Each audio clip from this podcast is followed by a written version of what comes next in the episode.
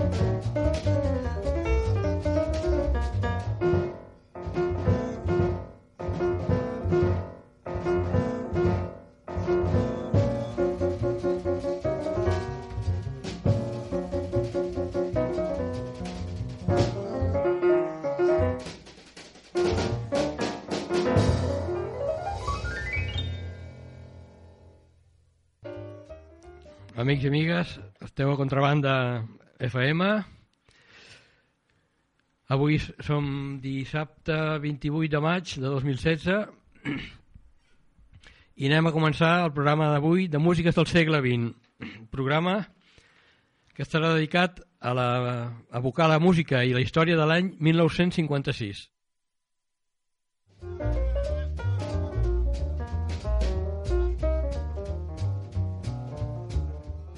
per això comencem aquest programa amb aquesta música de, de jazz de cool, tocada pel pianista Bill Evans, no, perdó, Bud Powell,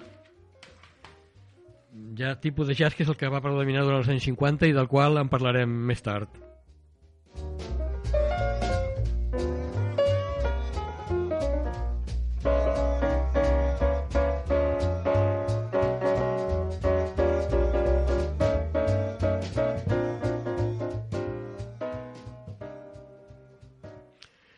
Anys, anys 1956, anys 50. Els anys 50 són els anys a Europa i a Occident, de, de, bueno, i a tot el món també, de la Guerra Freda. Són aquells anys en els quals eh, el món s'ha organitzat al voltant de dos grans potències econòmiques i militars i dos sistemes polítics i econòmics també antagònics. Per una banda tenim el, el sistema capitalista, que és el que predomina eh, a tota Europa, a Europa Occidental, als Estats Units i a les parts del món, a les colònies que depenen d'aquests dos països, d'aquest, de tots aquests països.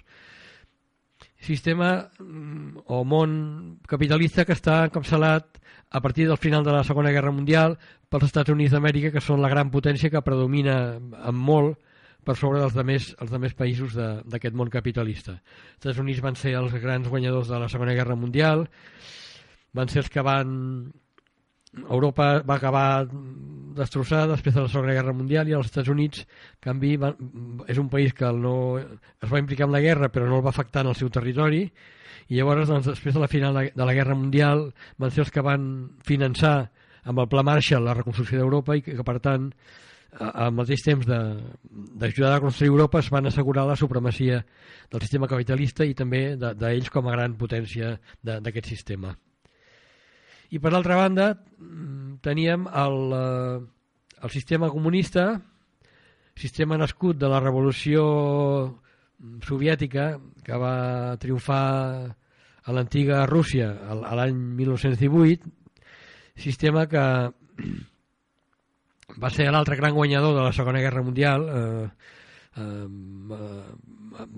l'altre país que va resistir vèncer a Alemanya en aquest cas pel front de l'est i país que la Unió Soviètica que encapçalava aquest, aquest món en el qual predominava el sistema comunista sistema en el qual eh, es caracteritzava per, perquè els medis de producció estaven en mans de, de l'Estat. L'economia estava completament estatalitzada i planificada.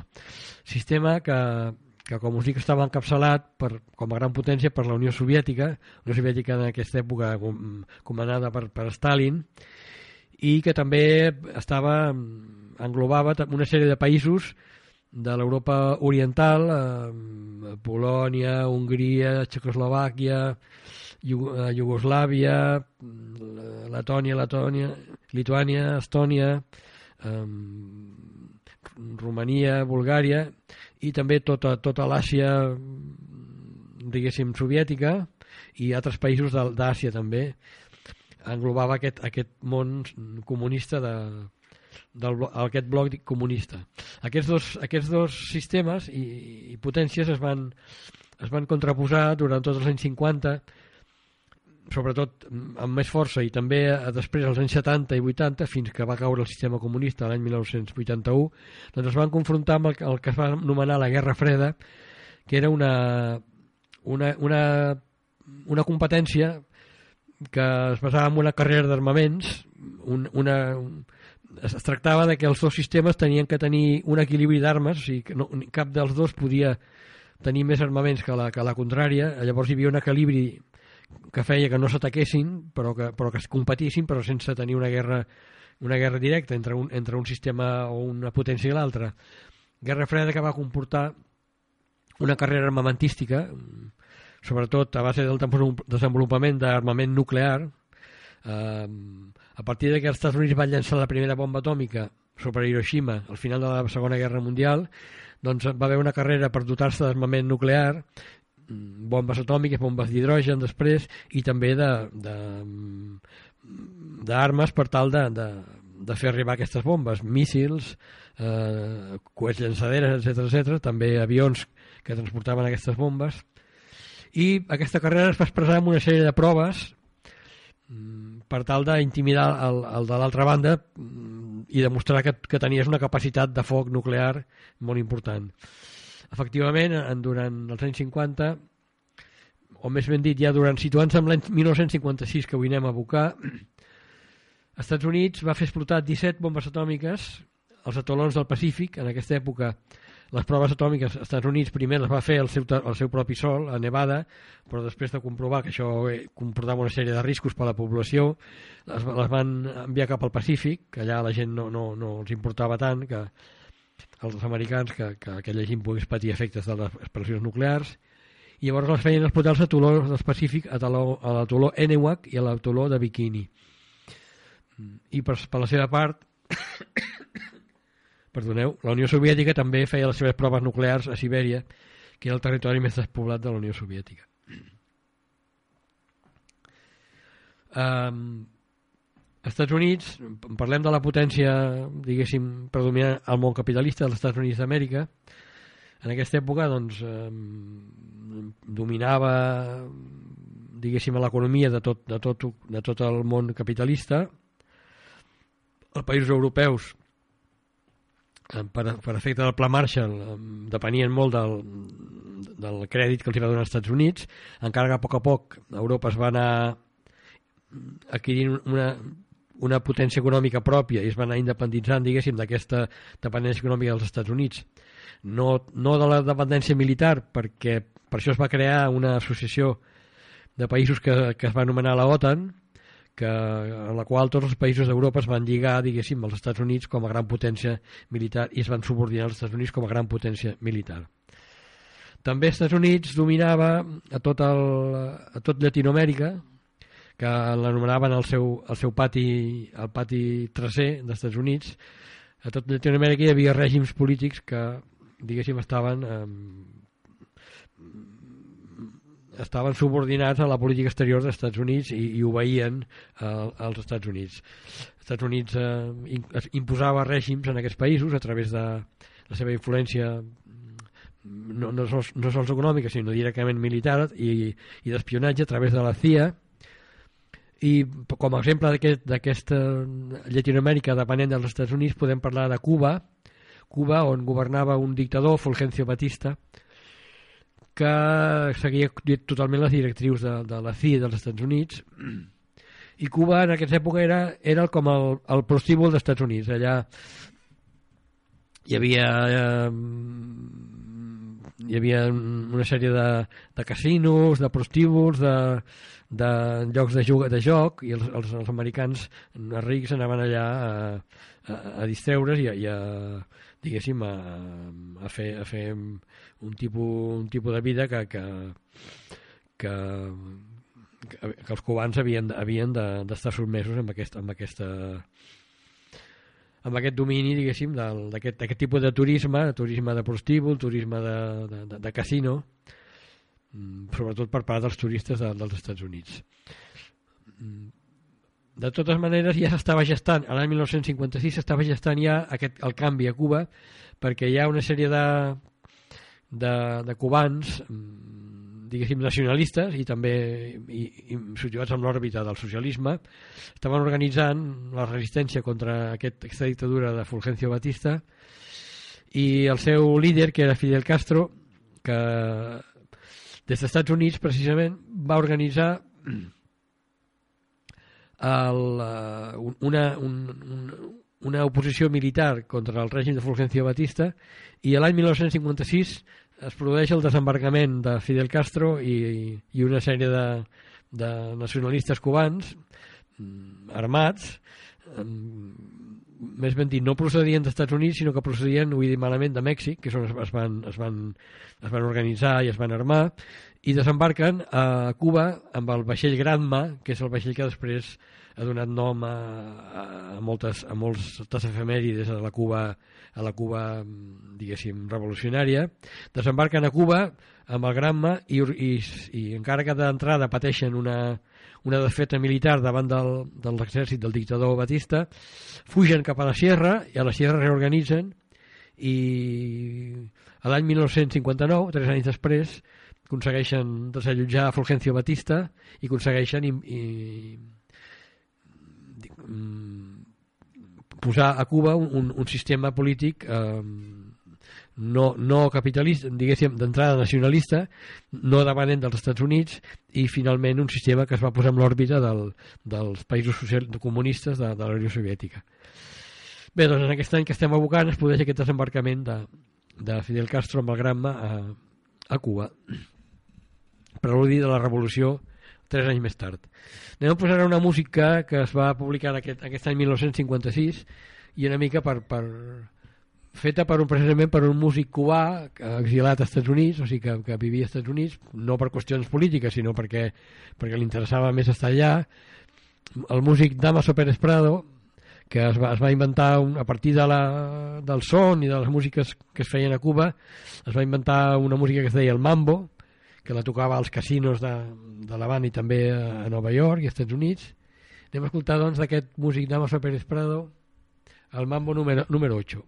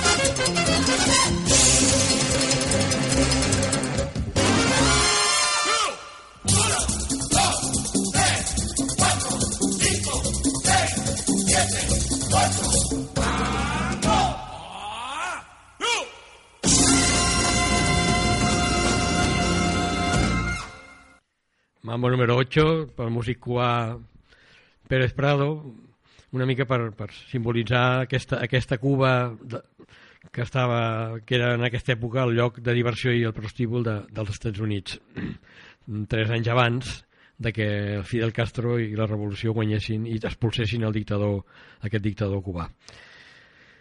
Us, um, este, um, us volia, volia parlar aquí d'un fet d'aquest programa que esteu escoltant, que és el programa Músiques del segle XX, com ja sabeu, programa de música i història, que i és que en, aquest, el dia d'avui um, és fa dos anys és el segon aniversari d'aquest programa l'estem emetent des de les zones de ràdio contrabanda del 91.4 de la FM doncs, doncs bé, vull, en certa, us vull dir això que estic content de portar dos anys fent aquest programa.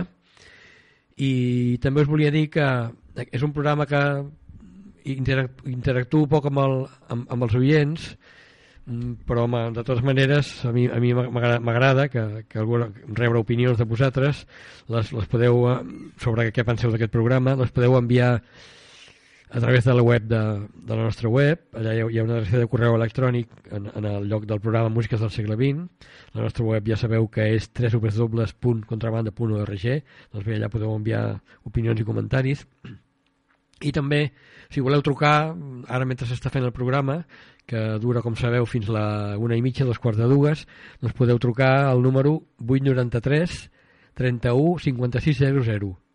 893 31 56 00.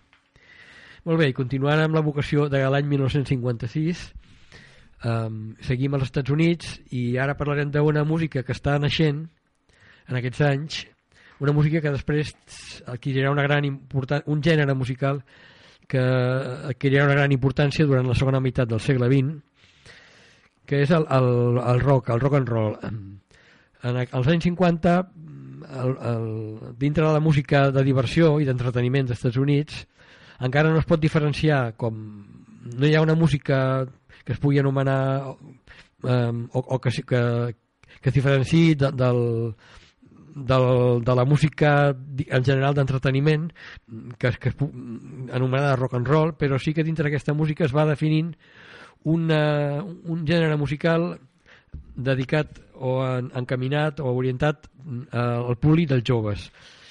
En efecte als Estats Units en aquests anys ja comença a haver-hi una població jove molt important Europa passarà als anys 60, als Estats Units s'adalanta una mica.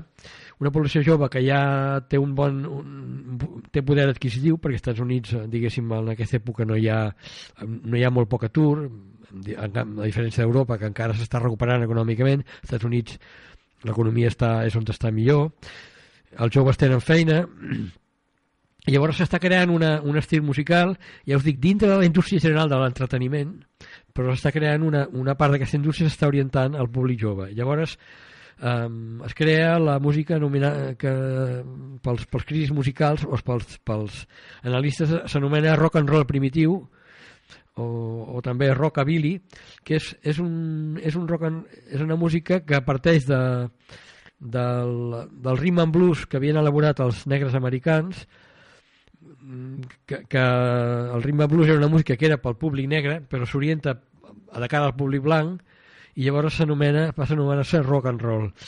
Aquest, aquest rock and roll mm, està, està, al principi està creat i protagonitzat sobretot per músics negres músics de raça negra però el, el que el dona que néixer mm, en tot el món el, el que va ser un músic blanc que ja us dic que ell, ell va copiar el rock and roll dels negres, però va ser el que el va, el va donar a conèixer a tot a Europa i a, i a tot el món i, tot, i al públic blanc. Aquest músic és, és l'Elvis Presley, que va ser un músic que en aquesta 1956 treu el seu primer disc i s'inicia la Preislermania doncs va ser un músic molt carismàtic perquè era un noi era, tenia una imatge física molt potent era, era, li agradava la, a les noies sobretot a les, a les adolescents i, i aquest, any, aquest any 1956 treu el seu primer disc del qual anem a escoltar una cançó. Aquest disc contenia èxits del rock and roll clàssics com Heartbreaker Old Hotel, Don't Be Cruel i aquesta que anem a escoltar Hound Dog. Hound Dog per Elvis Presley. You ain't nothing but a hound dog,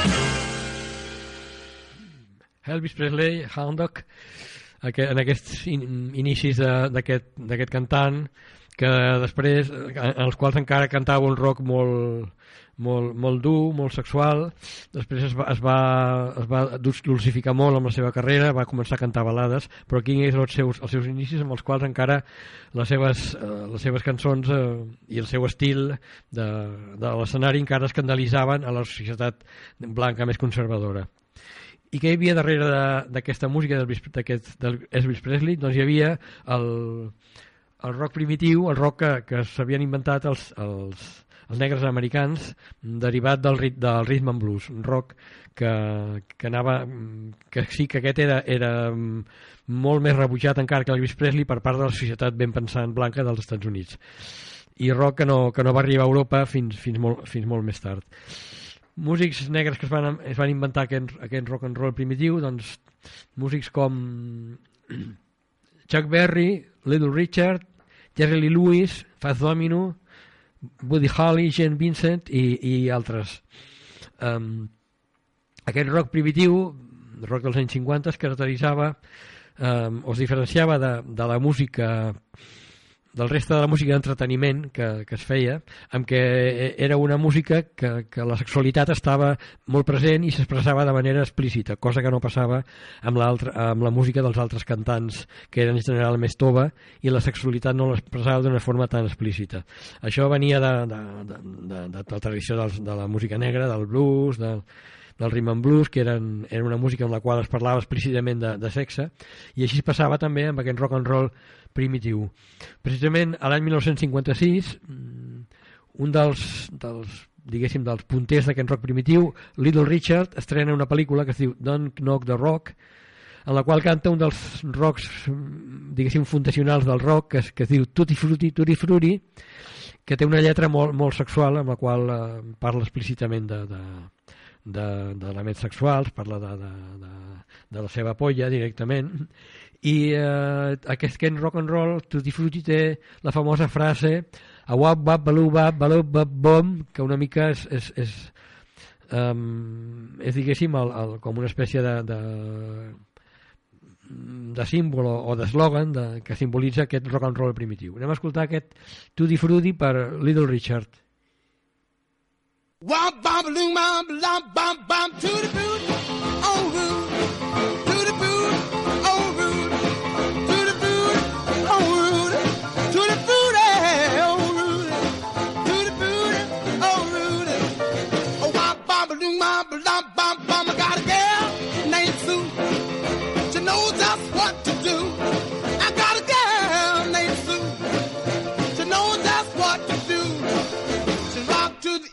She rock to the west, but she's the gal that I love best.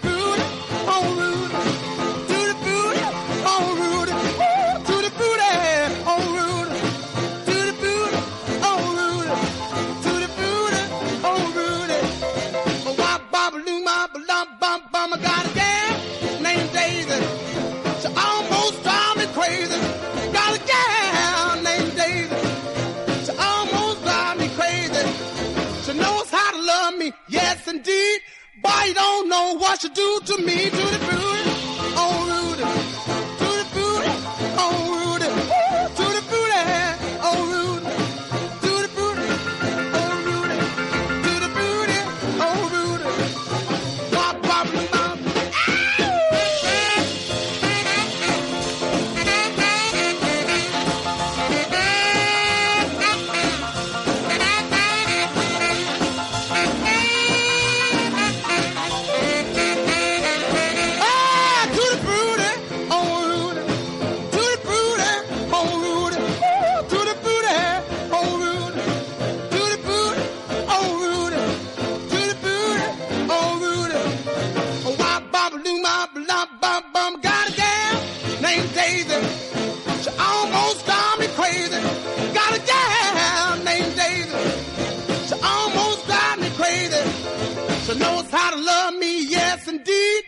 Boy, you don't know what she do to me. To the booty, oh Rudy. Oh to the booty, oh Rudy. Oh. To the booty, oh Rudy. Oh, wop, bop, loom, bop, lop, bam, boom. Little Richard va ser un músic molt, molt original, molt, molt genial, que tocava el piano, tocava el piano a mitja, a mitja rock es posava a tocar-lo amb, amb el peu, um, tenia un, un, un show escènic molt, molt impactant, va ser un, un, un músic molt, molt genial, molt interessant. Um, I ara escoltarem un altre, un altre músic d'aquest rock primitiu, d'aquest rock and roll primitiu, aquest, que aquest feia una música més in, intermitja entre el rock i el blues, amb elements de blues, eh, era en, en Fats Domino i escoltarem una de les seves cançons més conegudes que es diu Blueberry Hill.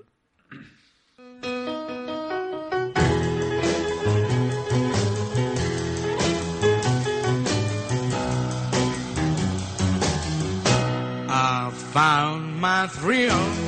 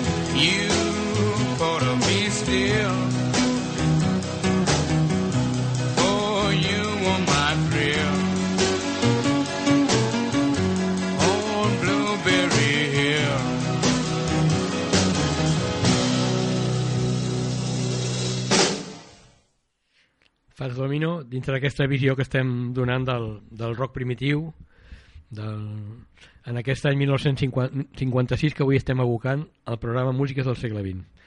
I ara pa- parlarem una mica de l'altra gran potència, de la Unió Soviètica,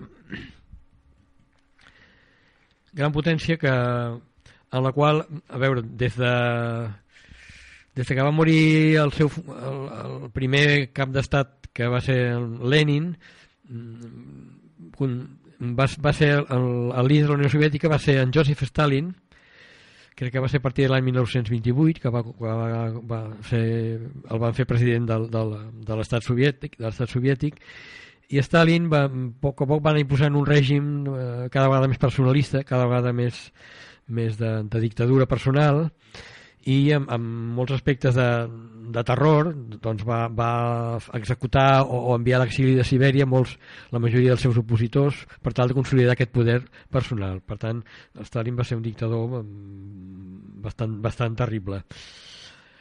Um, el, el fet de guanyar la Segona Guerra Mundial doncs encara va consolidar més aquesta figura de Stalin i um, però dintre la societat soviètica hi havia, hi havia també gent que, que no estaven d'acord i en aquest any 1956 es produeixen dos aconteixements una mica contradictoris.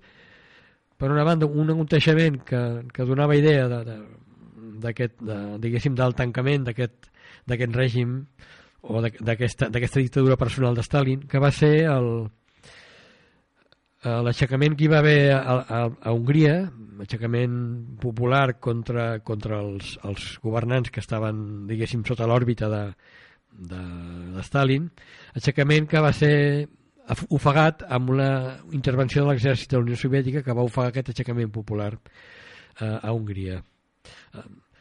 Això va ser un, un fet, diguéssim, que ref- reforçava aquest caràcter eh, opressiu del, del, del règim de Stalin, però per altra banda es produeix aquest any 1956 un fet, una sèrie de fets positius.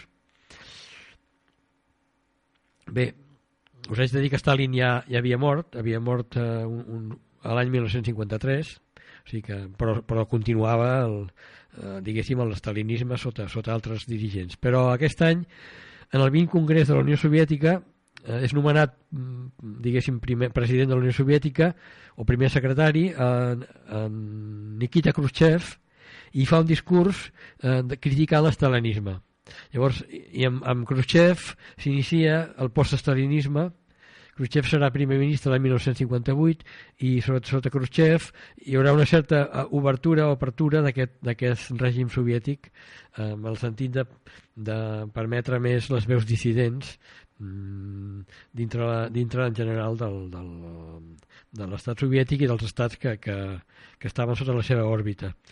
Concretament, es produeix una apertura cultural i per, que permet que es publiquin una sèrie de, de novel·les o de, o de obres literàries de, que, que donaven a entendre un, un, una crítica a aquest, a aquest eh, règim de Stalin. Per exemple, es publiquen novel·les de Boris Pasternak, d'Alexander Solzhenitsyn i també del poeta Yevtushenko. I també en la música, ara anem a escoltar música clàssica, a la música mm, es produeix una certa apertura, abans hi havia un control molt estricte de, de, directament del dictador Stalin sobre tota la cultura i llavors es permet, diguéssim, que, que la música se surti una mica dels, del gust eh, de, de, diguéssim, del dictador Stalin i dels seus comissaris culturals, que era un... Eh, els agradava la música neoclàssica, la música no volien la música avantguardista, la música que la música tonal, la música dodecafònica, tot això a la Rússia soviètica no agradava. Eh, agradava l'estil neoclàssic, l'estil, diguéssim, fàcil d'entendre per, per les masses. I en, en, aquest, en aquest any, 1956, un compositor, Dimitri Shostakovich, compositor que havia, havia sobreviscut amb, a la seva joventut havia fet obres avantguardistes. Durant l'època dura de Stalin es va adaptar eh, diguéssim a, a fer obres neoclàssiques però sempre mm, introduint elements de, de trencament que aconseguien sortejar la censura de, de Stalin.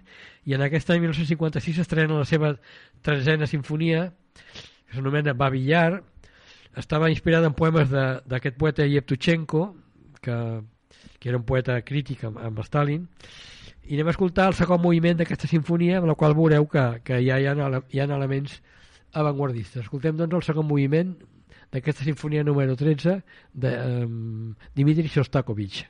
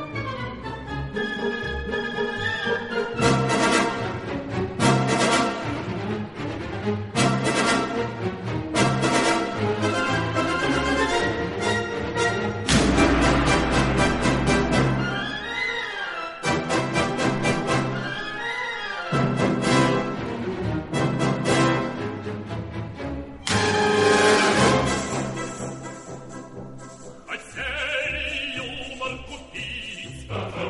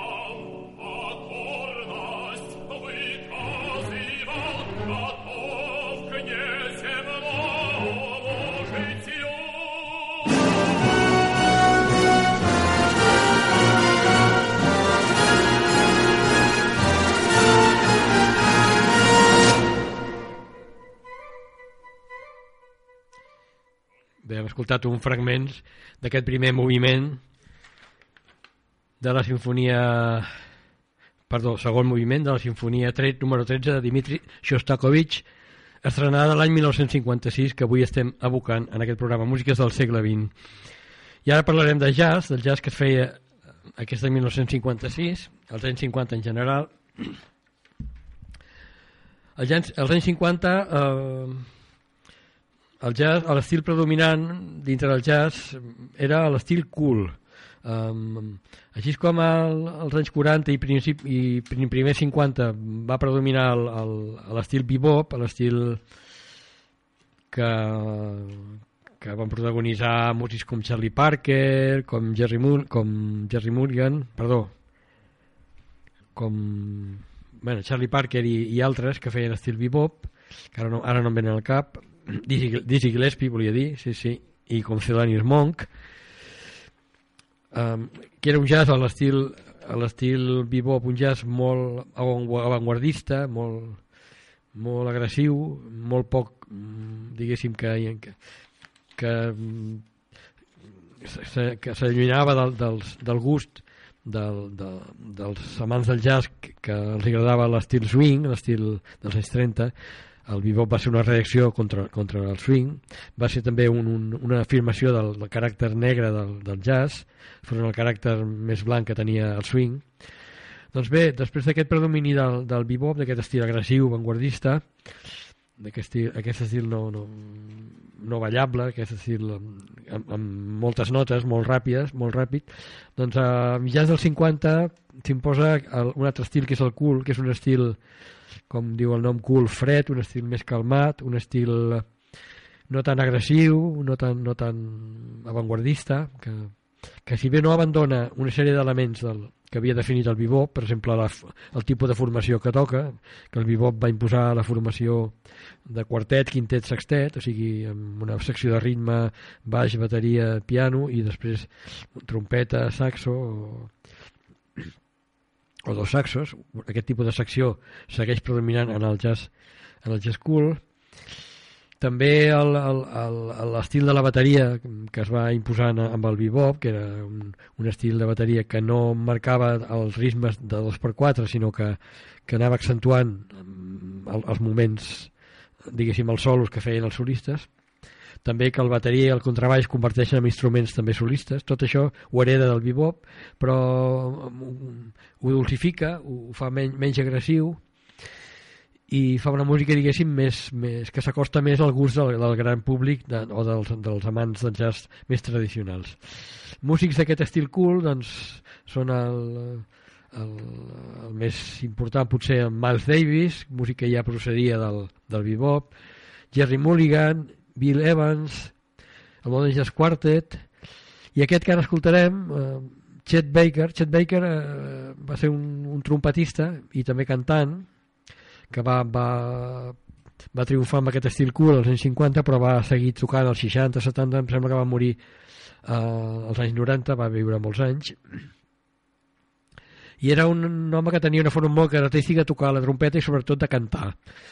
Eh, anem a escoltar un, una, música característica d'aquest Chet Baker i també del jazz aquest cool eh, es diu don't, You Don't Know What Love Is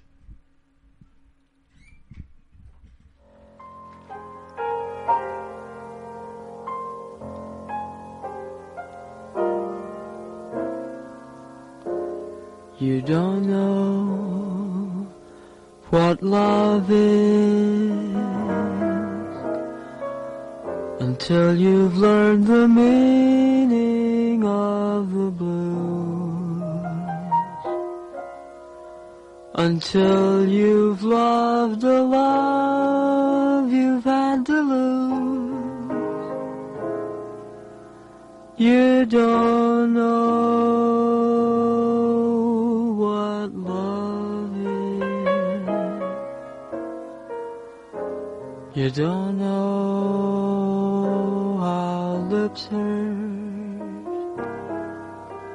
until you've kissed and had to pay the cost. until you've flipped your heart and you have lost. You don't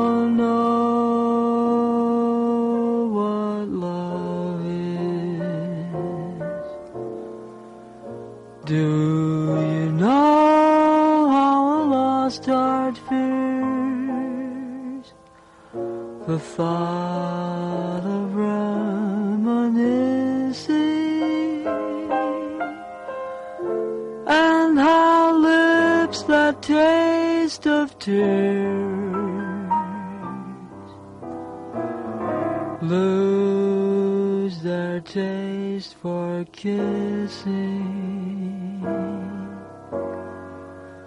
You don't know how hearts burn for love that cannot live yet never dies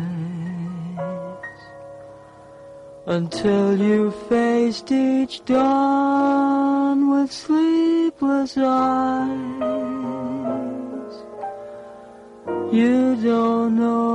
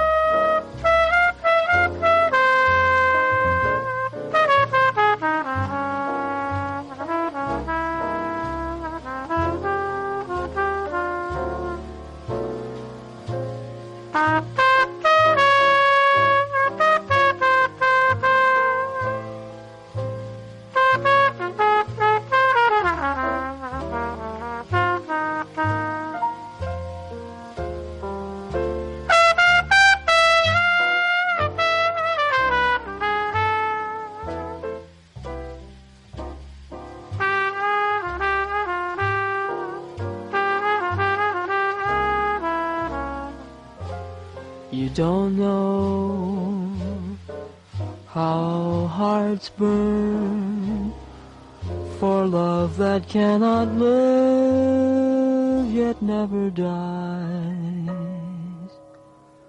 until you faced each dawn with sleepless eyes. How could you know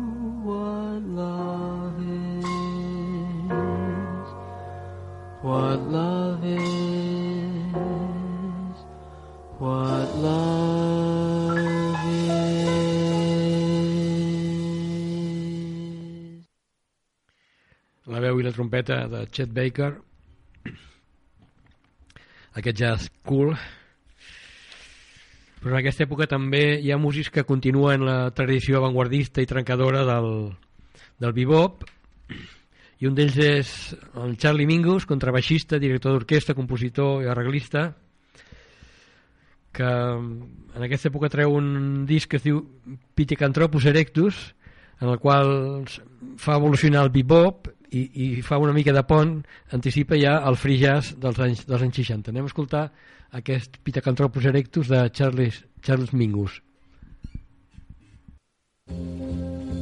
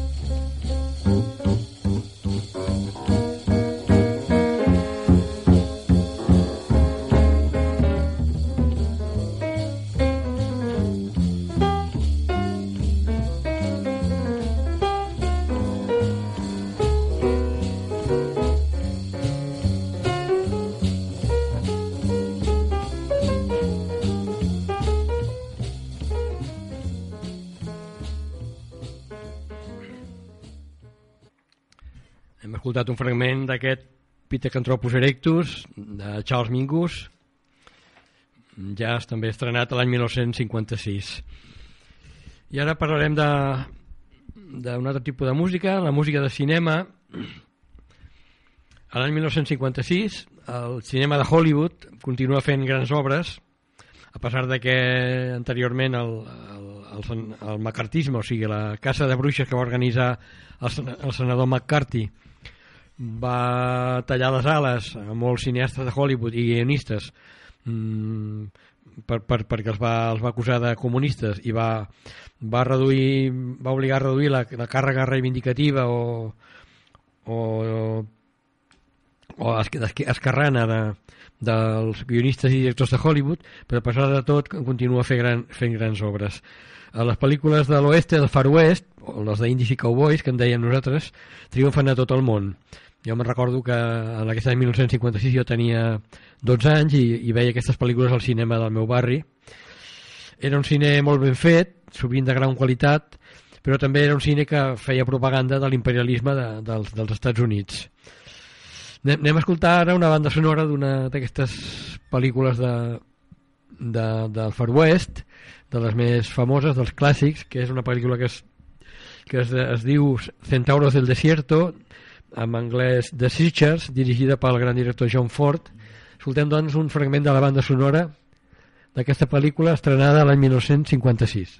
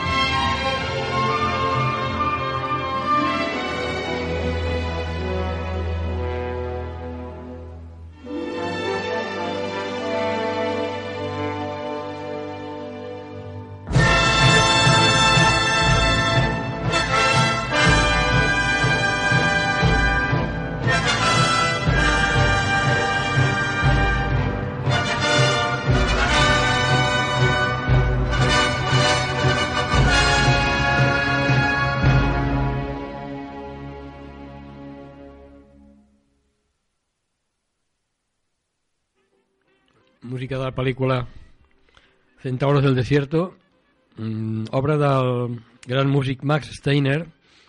Max Steiner va ser un músic austríac que va emigrar als Estats Units quan va pujar el nazisme a Alemanya i Àustria, fugint del nazisme, que va ser autor de, de grans bandes sonores als anys ja 30-40 per exemple ell és l'autor de la banda sonora de la pel·lícula King Kong que és de les primeres bandes sonores famoses del cine i també va ja més tard en aquest any 1956 va composar la banda sonora d'aquesta pel·lícula Centauros del Desierto. I ara anem a posar una mica de música clàssica, però música clàssica avantguardista, d'avantguarda, música europea, música que es feia en Europa en aquests anys, eh, sobretot a, a França, a Alemanya, en aquest cas d'un músic alemany, músic que, es va es, es va prendre classes, es va educar amb el músic, el gran músic mm, precursor de l'avantguarda europea que era Olivier Messiaen, després va formar part del Laboratori de Música Electrònica de Colònia, un dels pioners de la música, creació de música elect electroacústica, o sigui, música generada no per instruments ni per veu humana, sinó per generar electrònicament, per oscil·ladors i sintetitzadors. I en aquest any 1956 publica o estrena aquesta obra, que anem a escoltar ara un, una part, que és una obra clàssica de la música electroacústica. Una obra que es diu Cant dels adolescents, Gesang Junlichre, en alemany, ho he pronunciat molt malament, una obra amb la qual eh, està, està feta a, a partir de, de gravar i manipular electrònicament la veu d'uns nens bueno, i també afegint música generada electrònicament. Anem a escoltar doncs, aquesta música electroacústica mm, vanguardista del músic Karl-Heinz Stockhausen.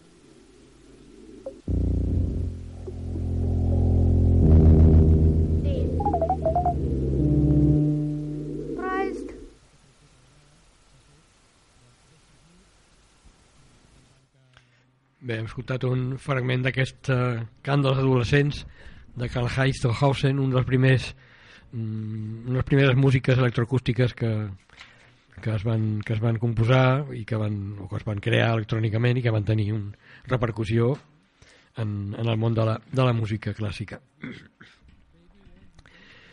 Mm, Fets polítics que van passar, altres fets d'aquest any 1956 que avui estem abocant, en quant a la, la, un dels, de les coses que van passar als anys 50 va ser que es va començar el procés d'independència de totes les colònies de les nacions europees a Àfrica. Es van començar a independitzar i també a Àsia independitzar de, de les seves metròpolis. L'any 1956 per exemple Marroc s'independitza de França i d'Espanya. Tunísia s'independitza de França. I Egipte, Pakistà i Sudan s'independitzen de, de Gran Bretanya l'estat recentment creat doncs, aquest any d'Egipte el seu cap d'estat és um, Gamal Abdel Nasser que va ser un dels, dels polítics i dels líders de la independència africana més, més, més reconeguts i també del, del moviment dels països del tercer món. Nasser el, el, un cop cap d'estat va nacionalitzar el canal de Suez que era un canal, és un canal que comunica diguéssim el mar Mediterrani i el mar Roig perdoneu, canal que, de, que estava ocupat per, per França i per Gran Bretanya. Immediatament que Nasser va nacionalitzar el canal de Suez, França, Gran Bretanya i Israel li van declarar la guerra i va haver una guerra en la qual finalment Israel va ocupar Israel, ajudat per França i Gran Bretanya, va, va ocupar la península del Sinaí que era, que era un territori egipci, va ser ocupat per, per Israel. I anant cap a Espanya, anant cap, a, cap al nostre país, Espanya es trobava sota el règim de Franco, sota la dictadura de Franco, però ja en aquest any de- finals dels 50 o de, de mitjans dels 50 l'oposició contra, contra el Franco començava a aixecar el cap.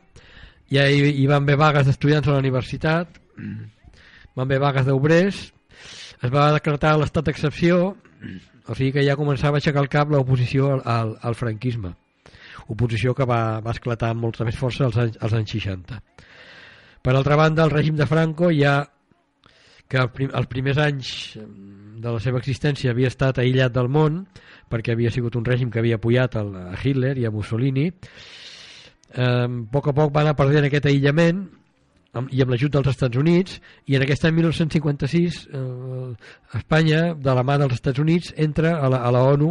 Per tant ja deixa de ser un pària dintre l'organització diguéssim dels països de, del món.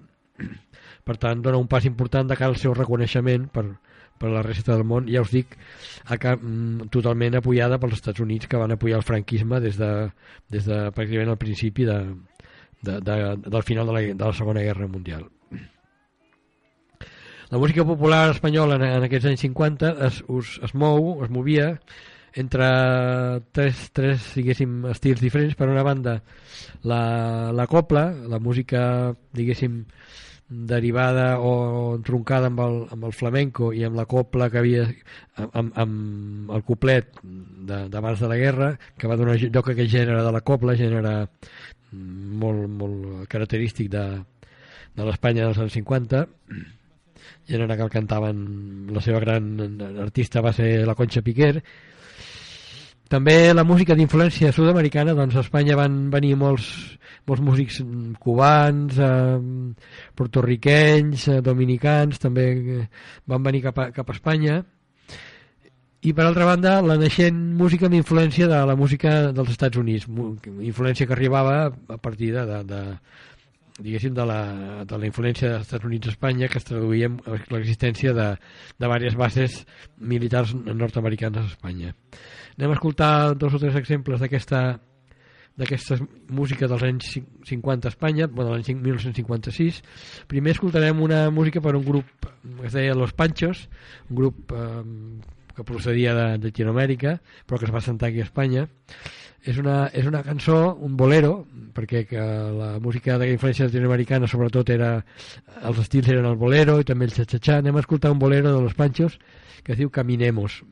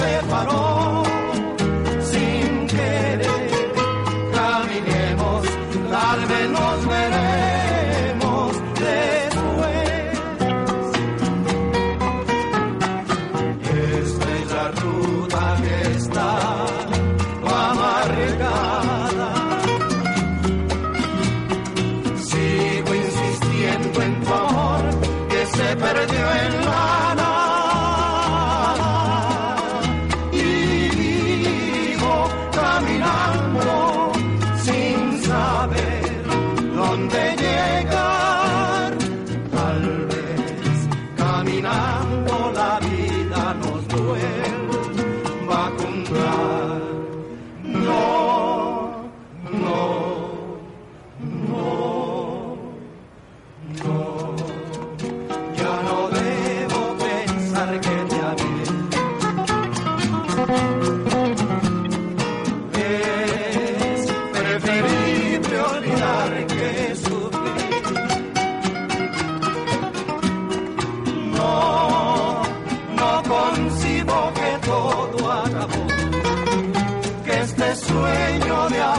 terminó que la vida nos separó sin querer.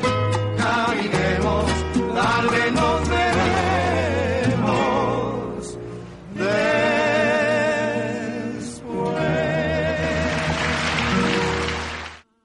Caminemos, Los Panchos, any 1956, música que es feia a Espanya en aquests anys. L'altre estil de què hem parlat és l'estil de la copla, i escoltarem ara una, una copla, Francisco Alegre, cantada per, per una altra de les grans figures de la copla junt amb Concha Piquer, que era Juanita Reina, Francisco Alegre.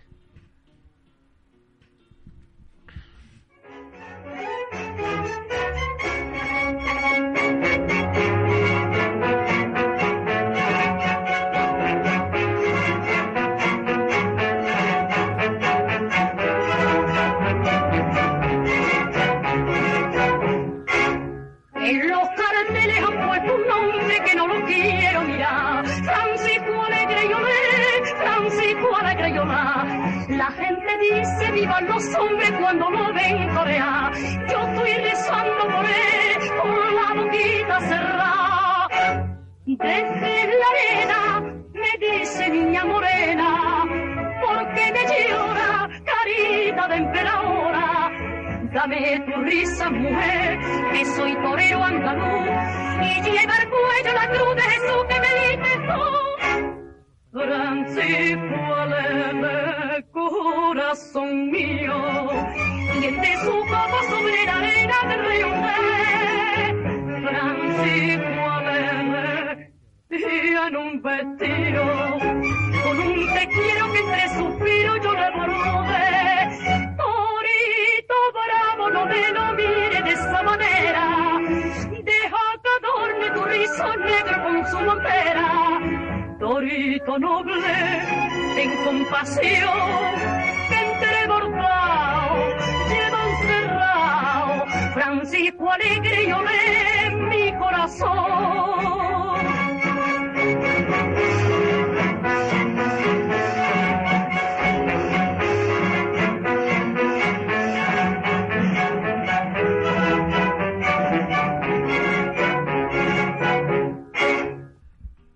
Francisco Alegre, una copla cantada per eh, un passo doble en aquest cas, per la, una de les grans cantants de copla d'aquests anys 50 a Espanya, que era Juanita Reina, però també junt amb aquestes músiques més, més relacionades amb la tradició espanyola, començaven a arribar aquí músiques, com us he dit abans, um, derivades de, de la música nord-americana, de, del jazz i del rock, i eh, una de les que es van, es, van publicar en disc aquest any 1956 que avui estem evocant és aquesta que escoltarem ara que era una versió d'un d'una música, diguéssim, tipus gospel, que cantava un cantant negre americà que es deia Tennessee Ernie Ford, una versió que va fer el, el cantant català José Guardiola, una música que es diu 16 tons, 16 tonelades. Anem a escoltar, doncs, per José Guardiola aquesta 16 tonelades versió de 16 tons de Tennessee Ernie Ford.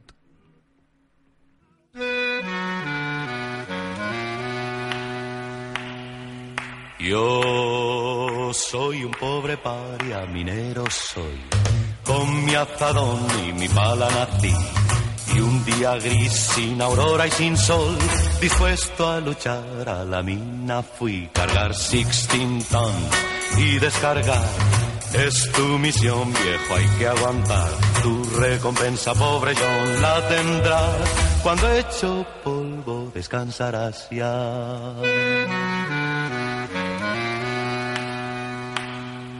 Ya desde que apunta el sol me debo al control y soy para el capataz un número más. Mi nombre es inquietud y es preocupación, pero suelen llamarme Polea John. Cargar sixteen y descargar es tu misión viejo, hay que aguantar. Tu recompensa, pobre John, la tendrás. Cuando hecho polvo descansarás ya.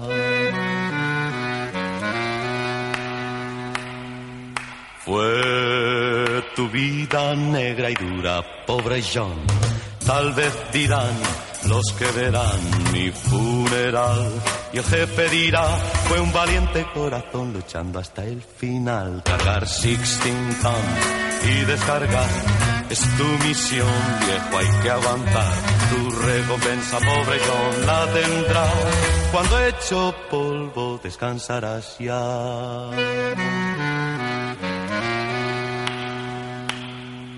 If you see me coming, better step aside. Love the man ding, love the man dying. One fist of iron, the other one steel. If the right one gonna get you, then the left one will. You lost 16 tons. What do you get? Another day older and deeper on dead. Same Peter notes conmigo, I can go. Oh,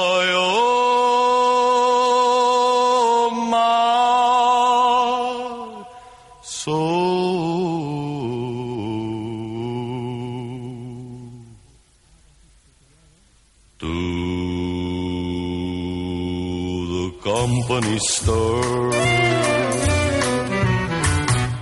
where the Lord, where the Lord. Heu vist aquest final cantat en anglès d'aquesta cançó pel José Guardiola? Això era molt, molt estrany en aquesta època que un cantant espanyol cantés, cantés en anglès. Aquest és dels primers exemples i mostra d'aquest canvi que s'estava produint a la música popular espanyola que s'estava començant a produir. Molt bé, doncs amb aquesta música hem arribat al final del programa d'avui de Músiques del segle XX. Um, quedem per, eh, pel proper programa, que serà d'aquí 15 dies, d'aquí dos dissabtes. També sabeu que el programa es, es, es repeteix, es fan repeticions el, el dissabte que ve, a la mateixa hora, a les 12, i també el dimarts que ve i el dimarts següent a les a les 14.30, de 14.30 a 16, de dues i mitja a 4 de la tarda, en aquesta freqüència de Ràdio Contrabanda, 91.4 de la FM. I molt bé, doncs em despedeixo fins, fins d'aquí 15 dies que tornarem a, a fer una, la, aquest programa en, en, en dient aquest programa Músiques del segle XX. I a veure si trobo ara la, la sintonia. Vinga, doncs fins al programa proper. Adéu-siau. Músiques del segle XX. Woke up, fell out of bed, dragged a comb across my Un head. programa coneix música i història. Found my way downstairs and drank a cup. D'un temps proper i interessant. I noticed I was late. Found my coat and grabbed my hat. Made the I bus. de tots els gèneres i flat. estils. Found my way upstairs and had a smoke. And somebody spoke and I went into a Rock. dream. Pop, Música de ball. música per teatre i cine. Flamenco. Música clàssica.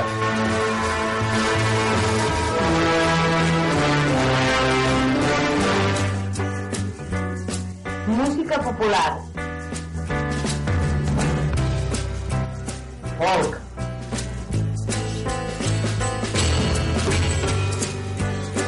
Cantautors.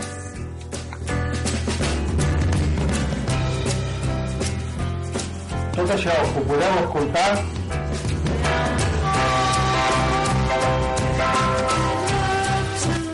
Els dissabtes de 12 a 1 i mitja.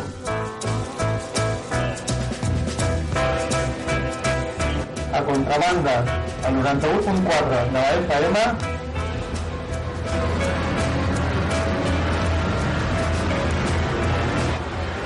El programa de música i història